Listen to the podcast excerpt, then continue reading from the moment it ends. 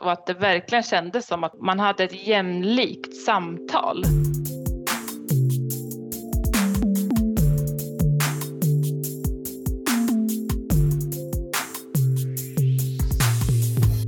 Hej och välkommen till det 51 avsnittet av FoU-podden. Det här avsnittet kommer att handla om delaktighetsmodellen och eh, vi spelar in via Teams. Våra deltagare den här gången är Sofie Tenser och Marie Wallin. Varmt välkomna! Tack. Tack så mycket! Vi börjar med att ni får presentera er. Hej och tack för att jag får vara med i den här podden.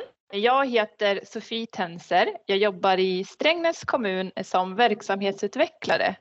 Min inriktning är funktionshinderomsorgen. Jag är med i den här podden idag för att jag är vägledare i delaktighetsmodellen och jag kommer även att utbilda mig till kursvägledare under våren i maj. Och jag heter Marie Wallin och jag jobbar som utvecklingsledare på FoU i Sörmland. Och jag är kursvägledare i delaktighetsmodellen och ska i framtiden utbilda nya vägledare tillsammans med Sofie. Vi börjar väl med den eh, viktigaste frågan. Vad är delaktighetsmodellen? Delaktighetsmodellen är utvecklat av Kommunförbundet i Skåne tillsammans med funktionshinderverksamheter. Och i Sörmland så började vi utbilda vägledare i delaktighetsmodellen omkring år 2014. Och delaktighetsmodellen, det syftar till att jämna ut maktobalansen mellan två olika grupper som ofta har olika möjlighet att påverka sin vardag och olika möjlighet till inflytande.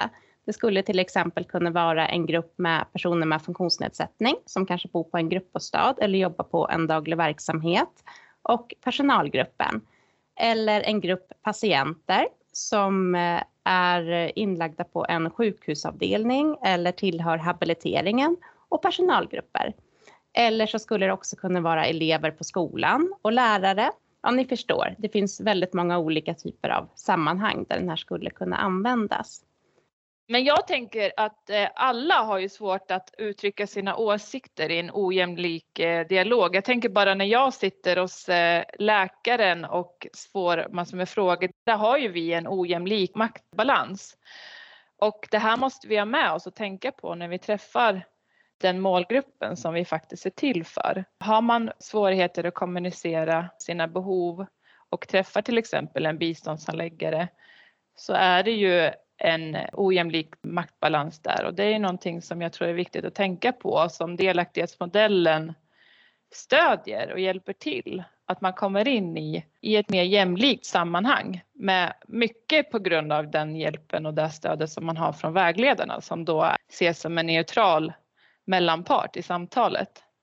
Delaktighetsmodellen bygger på en serie samtal som tillsammans utgör ett sammanhållet samtal men det är uppdelat i fyra olika delar. Och det här skapar då förutsättningar för deltagarna att dels kunna lära av varandra. Delaktighetsmodellen sker alltid i grupp där det är flera deltagare med. De får också tid att tänka och reflektera och med då stöd av de två neutrala vägledarna så förs det här samtalet framåt och det skickas med stafettfrågor mellan de olika delarna. Och det här blir då alltså ett sammanhållet samtal som skapar förutsättningar för en mer jämlik dialog. Det kan också hända att man kommer fram till olika beslut i det här samtalet men själva grundsyftet är just att skapa förutsättningar för en jämlik dialog som förs framåt med hjälp av de två neutrala vägledarna. Delaktighetsmodellens grundsyfte är alltså att kunna bidra till att de här grupperna lär sig av varandra och att själva den gruppen som ofta har mindre inflytande och makt höjs och få möjlighet att kunna föra fram sina synpunkter, åsikter och tankar på ett mycket mer konkret och fritt sätt med stöd av de här neutrala vägledarna. Så det är alltså själva grundsyftet. Men det är ofta också så att delaktighetsmodellen används som verksamhetsutveckling. Och jag tänker precis det här att vi pratar så mycket i dagsläget om att det är viktigt med användarmedverkan, vi måste ta reda på vad personerna tycker så att vi kan utveckla vår verksamhet och våra tjänster utifrån det. Men om man inte har några verktyg eller förutsättningar för hur man faktiskt tar reda på saker som för personer som har en kognitiv nedsättning eller kommunikationssvårighet och dessutom är i ett underläge rent maktmässigt, då blir ju det ganska så svårt.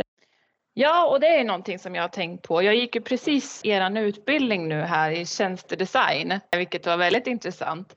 Under den utbildningen så tänkte jag väldigt mycket på det här att delaktighetsmodellen lirar ju faktiskt ganska bra med tjänstedesign som metod. För många gånger så tänker vi att vi ska ut och fråga våra användare vad de tycker och tänker om våra tjänster. Eh, man kanske inte alltid ger förutsättningar till att ha de här samtalen. Och där tänker jag att delaktighetsmodellen kan bli ett jättebra komplement eftersom delaktighetsmodellen faktiskt bygger på att ge deltagarna förutsättningar att uttrycka sina åsikter, säga vad man tycker, uttrycka viljor, beskriva sin vardag. Eh, och det är ju faktiskt de vi är till för. Ja, men det, det, är precis så jag också tänker och just det här i ett om man tänker sig att man har ett fokusgruppsamtal, vad skillnaderna skulle kunna vara mot en delaktighetsmodell, så är det ju i delaktighetsmodellen så träffar man alltså två neutrala vägledare.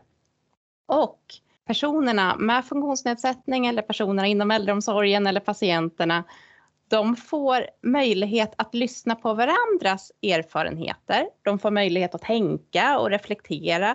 Vad är det som jag tycker? Och de här stafettfrågorna då som vägledarna ska försöka vaska fram, de kommer ju sällan av att personerna formulerar en tydlig fråga.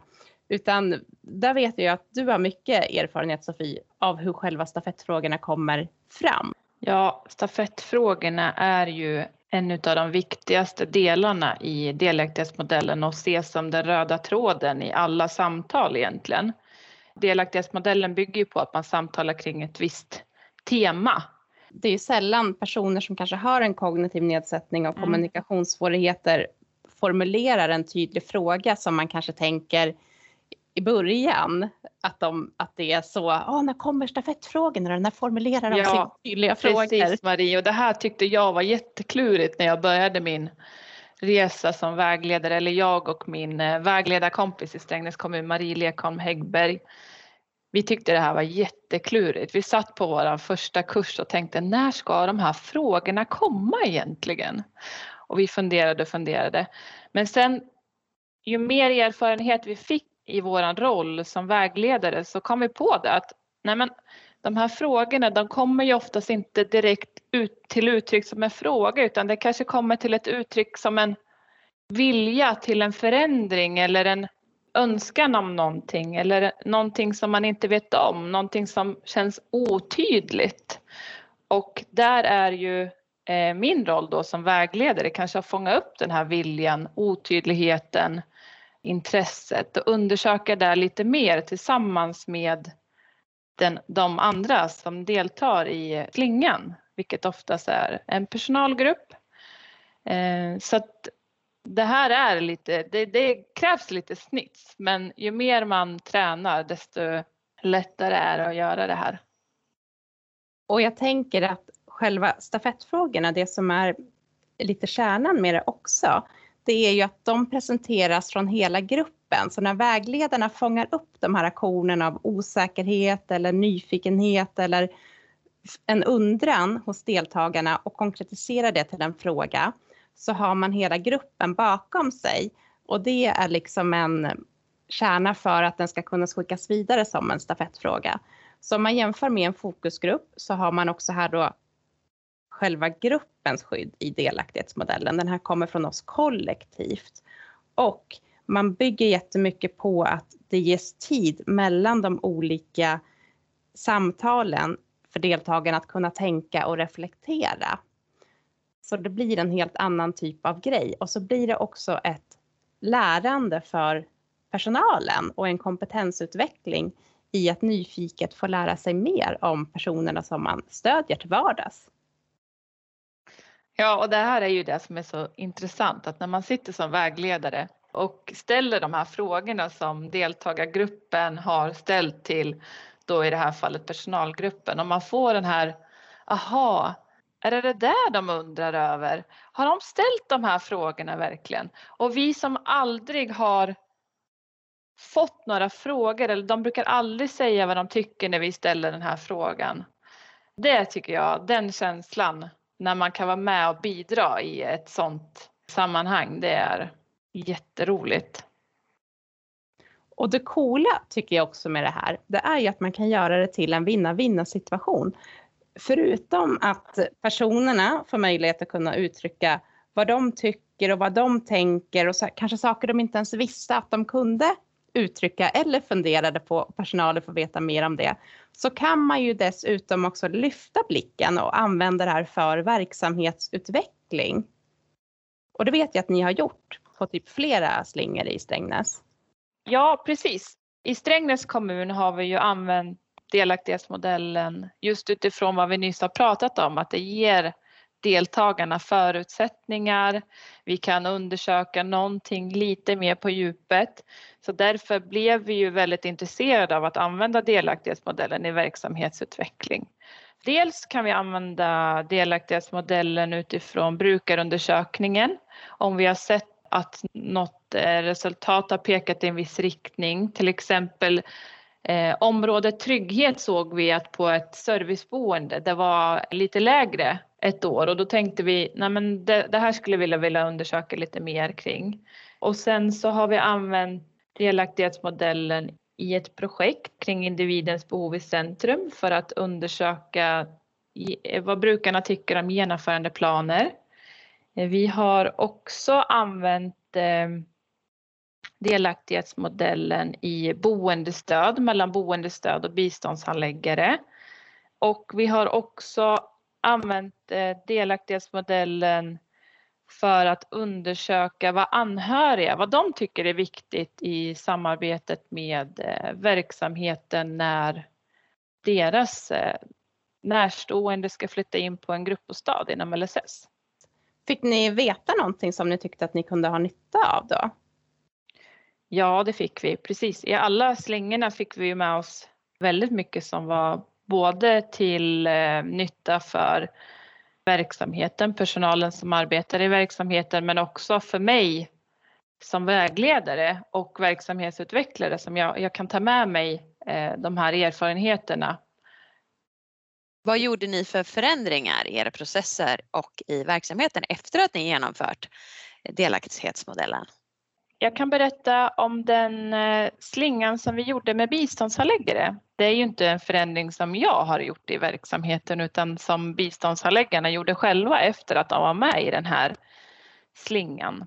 Där framkom det ju att deltagarna i slingan kanske behövde lite mer förberedelser inför eh, uppföljningar. Vad är det du ska ställa som biståndshandläggare för frågor?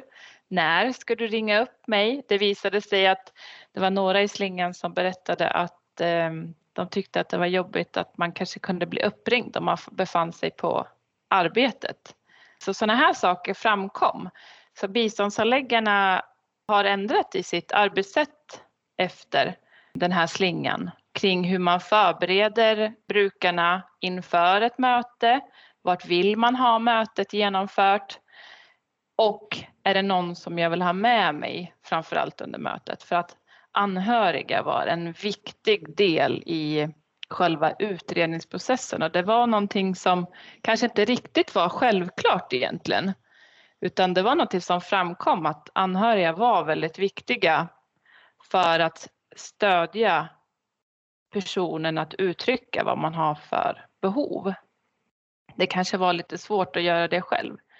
Eh, och det, det, här var någonting som biståndshandläggarna såg nästan som självklart, att det är klart att du får ta med dig din anhöriga.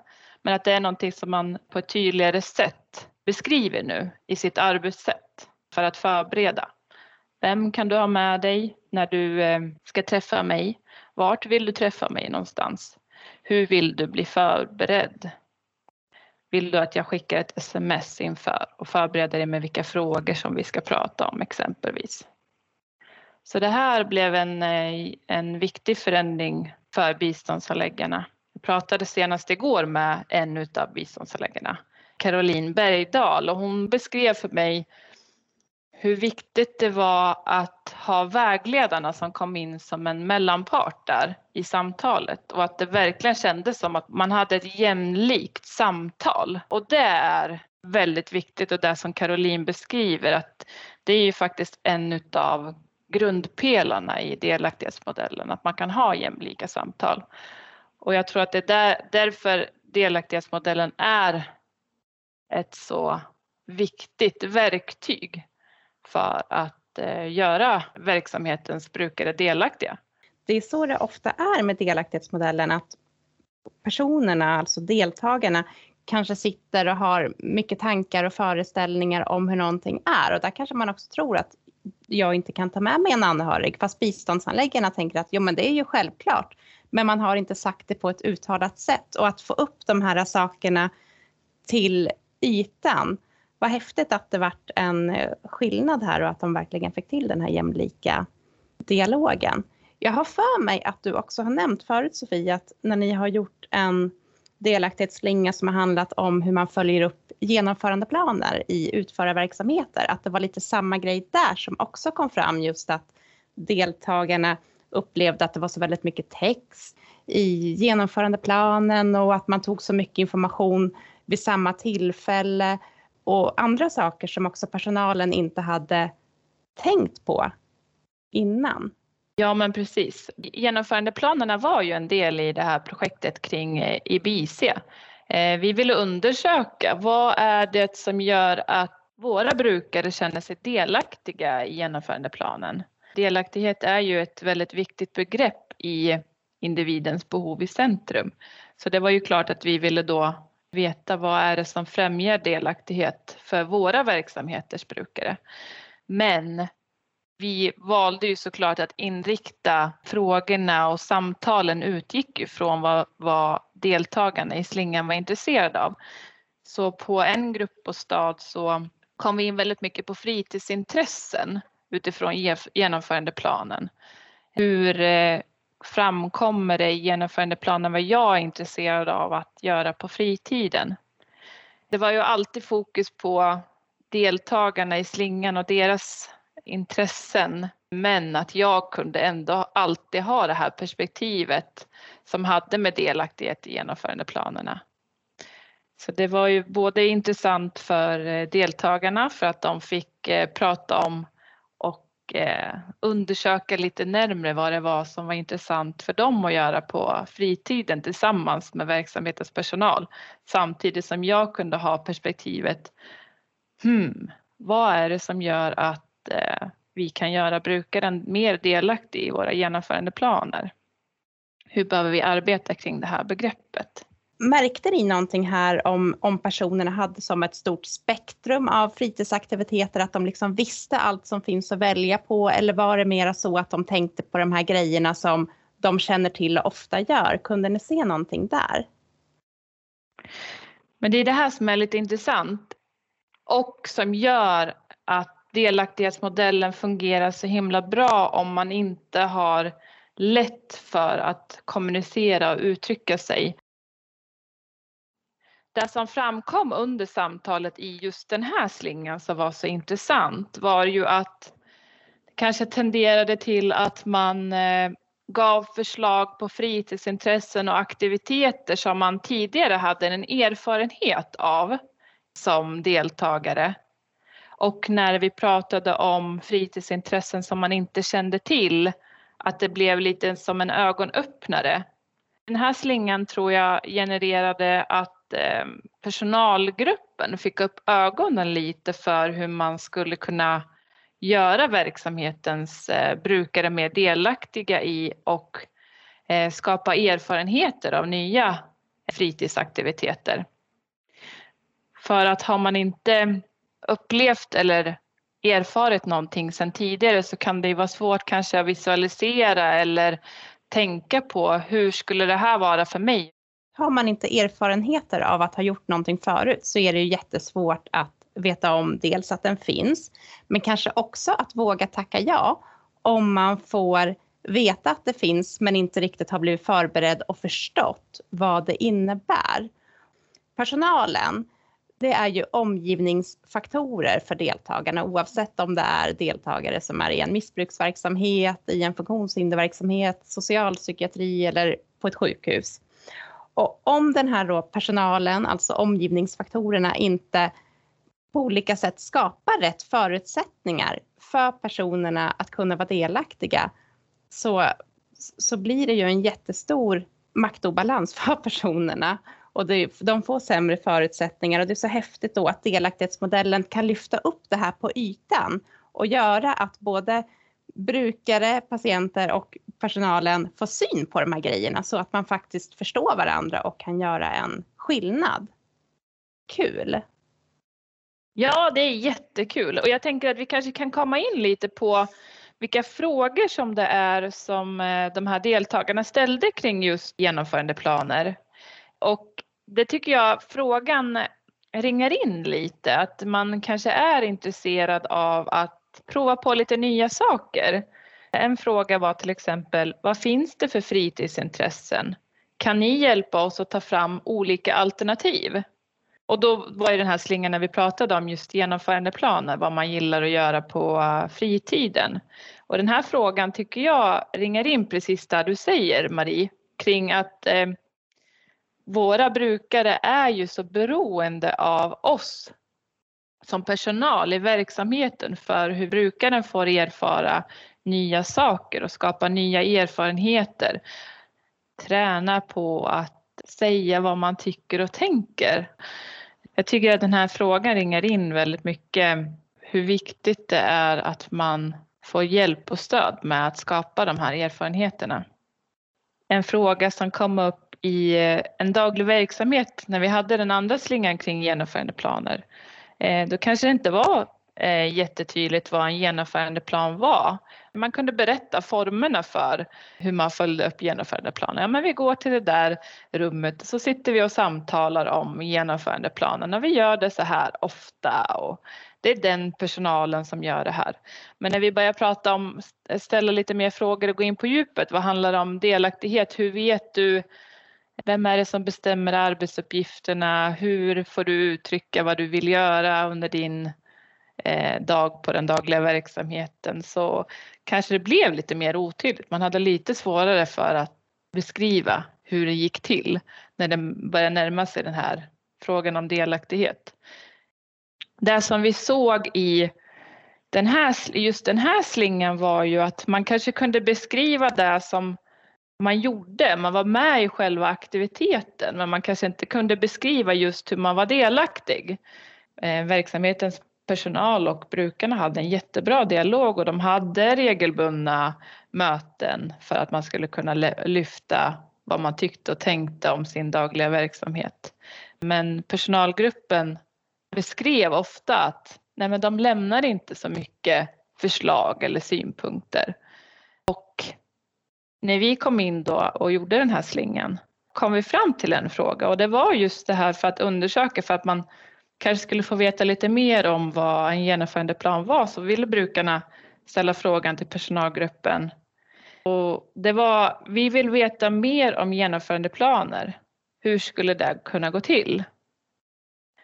Och det som eh, vi kom fram till på sista träffen var ju att brukarna presenterade ju egentligen ett helt nytt koncept, eller deltagarna då. De presenterade ett helt nytt koncept på hur man kan planera genomförandeplanen eller följa upp genomförandeplanen. Dels så kom deltagarna fram till att nej men vi kanske vill ha genomförandeplanen i bilder. Eller att vi vill följa upp genomförandeplanen. Det blir så långa möten. Jag skulle gärna vilja att vi följer upp genomförandeplanen bitvis istället en liten bit här och en liten bit där för att jag ska orka med de här samtalen och de här mötena. Eller att jag vet inte riktigt vad en genomförandeplan är till för. Och då kommer deltagarna, både personalgruppen och brukarna fram till att nej men vi kanske ska ha någon form av liten utbildning kring vad genomförandeplaner är. Så vi pratar om det mer så att ni verkligen förstår vad det innebär med en genomförandeplan. Så egentligen vad som hände i den här slingan var ju att från att deltagarna inte hade lämnat så himla mycket synpunkter på de här mötena till att de faktiskt kom fram till nya koncept för hur vi kan jobba med genomförandeplaner. Så det tyckte jag var väldigt spännande att få vara del om. Det är ju ganska uppenbart att det här är bra för personerna eller brukarna. Men hur upplever ni att personalen uppfattar den här delaktighetsmodellen? Ja, det som är viktigt att trycka på vad det gäller delaktighetsmodellen är ju att eh, grund, det är en viktig del av grundpelarna att man är där för båda grupperna. För det är ju någonting som jag och min, man är ju alltid två vägledare i en slinga. Så det är ju någonting som jag och min vägledarpartner alltid har fokuserat väldigt mycket på. Hur ska vi gå in i den här slingan för att ge båda grupperna förutsättningar till en jämlik dialog. Och när man har pratat med personal efteråt så har nog jag fått till mig att eh, det verkligen är så. Att man kommer in, att eh, man överbrygger lite bron mellan de här två grupperna. Brukarna får samtala med personalen, men personalen får samtala med brukarna på ett sätt som man inte har gjort tidigare. Och det är nog mycket tack vare att man kommer in som vägledare och är en mellanpart där i samtalet.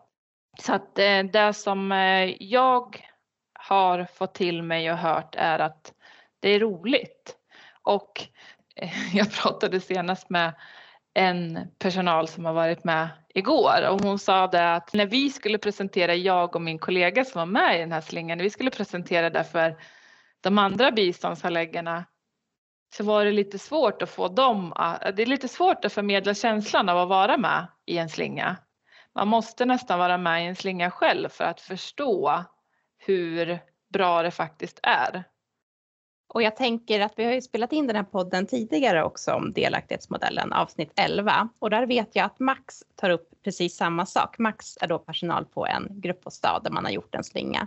Att han fick lära sig nya saker om brukarna som han inte visste, trots att de ändå i vardagen hade en bra dialog, så kom det fram nya saker här och, och han upplevde att deltagarna pratade mera fritt.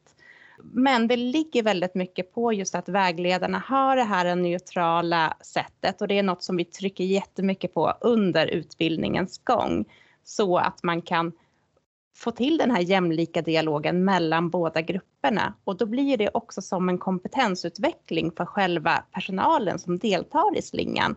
Att man får lära sig nya saker om personerna som man träffar till vardags och att man faktiskt får också nya tankar och reflektioner kring hur de kan bli mera delaktiga i sitt vardagsliv.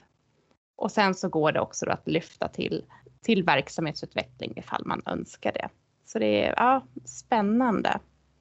Sen tänker jag också att det är viktigt att tänka på det att vägledarna är ju till för att komma in i grupper där det kanske inte är en krissituation eller konflikter. För vägledarna är inga konfliktlösare utan de är till för att få till den här jämlika dialogen och samtalet. Så om det är en grupp där det finns mycket konflikter då är det ju kanske andra saker som ska till, till exempel stöd av HR eller handledning och inte en slinga i delaktighetsmodellen och det kan vara viktigt att ha med sig. Mm. Finns det även andra tillfällen när det inte skulle vara bra att köra delaktighetsmodellen? Ja, delaktighetsmodellen den bygger ju på att eh, deltagarna vill delta. Det är obligatoriskt för den personal som är utvald att delta att följa hela slingan. Men de deltagarna, i, alltså brukare då, är ju, det är ju helt frivilligt. Så det är ju också väldigt viktigt att man hela tiden fångar upp intresset för de som faktiskt är med i slingan. Det är inte lämpligt att genomföra en slinga om man inte ser att det gynnar de som deltar. Mm. Och sen måste det också vara flera deltagare med, alltså flera brukare eller patienter. Man måste vara minst två, gärna fler, just för det här att kunna ha gruppens skydd, att stafettfrågan presenteras från hela gruppen och att eh, man också kan lära av varandra. Så det är jätteviktigt. Mm. Nu börjar det dra iväg lite på tiden i den här podden så är det någonting ni känner att ni vill tillägga? Ja, något som vi också tar upp under utbildningen av vägledare och som är viktigt att vägledarna använder sig av i samtalen är alternativ och kompletterande kommunikation. Framför allt när man möter deltagare som har kommunikationssvårigheter och kognitiva nedsättningar. Så vi trycker jättemycket på vikten av att kunna möta deltagarna och stödja dem i sin kommunikation och att läsa av kommunikationen och att försöka tydliggöra vad personerna uttrycker på ett kon konkret sätt. Jag vill också lägga till att en slinga genomförs gärna under en veckas tid. Man skulle kunna tänka sig ett exempel där man dag ett under en vecka träffar, där vägledarna träffar då brukarna på förmiddagen, personalgruppen på eftermiddagen och dag två träffar man brukarna för ett kortare möte och diskuterar vad det är som vi har sagt egentligen, vad tyckte personalen och efter typ en halvtimmas rast kör man den gemensamma dialogen. Så en slinga, när man inte gör det under utbildningsfasen, ska inte vara utdragen utan gärna ske inom loppet av några dagar. Då blir det bäst för alla och inte heller så krångligt att planera. Om man nu vill veta mer om delaktighetsmodellen generellt eller exempel som har gjorts, var kan man hitta information om det? Jag tänker så här att om man vill veta mer om vad som händer nu i Sörmland i delaktighetsmodellen så är det ju att jag och Sofie nu under 2021 håller på och planerar och riggar för att genomföra en ny utbildning av vägledare våren 2022. Och vi riggar för den digitalt så vi kommer nu under hösten att bygga upp en kursportal på FAU i Sörmlands hemsida med lösenord där vi kommer att till exempel ha inspelade föreläsningar, mycket material och sen så kommer vi varva det med att ha liveutbildning. Så vi vill ju nu att alla socialchefer, politiker, verksamhetsutvecklare, enhetschefer tänker till om man vill jobba med vardagsnära brukarinflytande och delaktighet. Planera då in i era kontorsplaner och arbetsplaner att utbilda vägledare våren 2022. Framför allt Marie, genomför slingor sen när ni har vägledare. Herregud, genomför slingor, ja. helt rätt. ja. ja. Det är eh. nog lite A och O tänker jag, att man utbildar vägledare, att man faktiskt använder de eh, vägledarna man har i sina verksamheter. För att jag tror att om man inte får genomföra slingor, ju mer tiden går desto svårare kommer det bli att ta tag i det. Så att det är jätteviktigt att hoppa på direkt. Finns det något stöd för de vägledare som blir utbildade i Sörmland eller har blivit utbildade? Vi har genomfört årliga träffar för erfarenhetsutbyten för vägledare och det kommer vi fortsätta med. Och vår tanke är också att de vägledare som vi har utbildat i Sörmland kommer självklart få en inloggning till den här eh, portalen som vi bygger upp på FoU Sörmlands hemsida så att de också kan bli boostade av föreläsningar och liknande. Och sen vill jag faktiskt slänga ut en fråga till er som är vägledare och enhetschefer i verksamheter där det finns vägledare. Och det är om ni skulle vara intresserade av att under någon vecka på året köra en implementeringsvecka av delaktighetsmodellen då vi kan ge grupphandledning vid några tillfällen digitalt. Så om man har frågor och så kring slingorna så kan vi hjälpa till att svara på det. Finns det intresse för det så hör av er till mig så ska vi se ifall vi kan fixa det. Om ni vill kontakta Marie så finns hennes kontaktuppgifter förstås på vår hemsida. FoU Sörmland. Eh, så då får vi avsluta nu och jag börjar med att säga tack till er som var med idag i den här podden. Och till dig som har lyssnat så vill jag säga tack för att du har lyssnat på det här avsnittet av FoU-podden och hoppas att du även vill höra nästa avsnitt. Ha en fin dag! Hej då!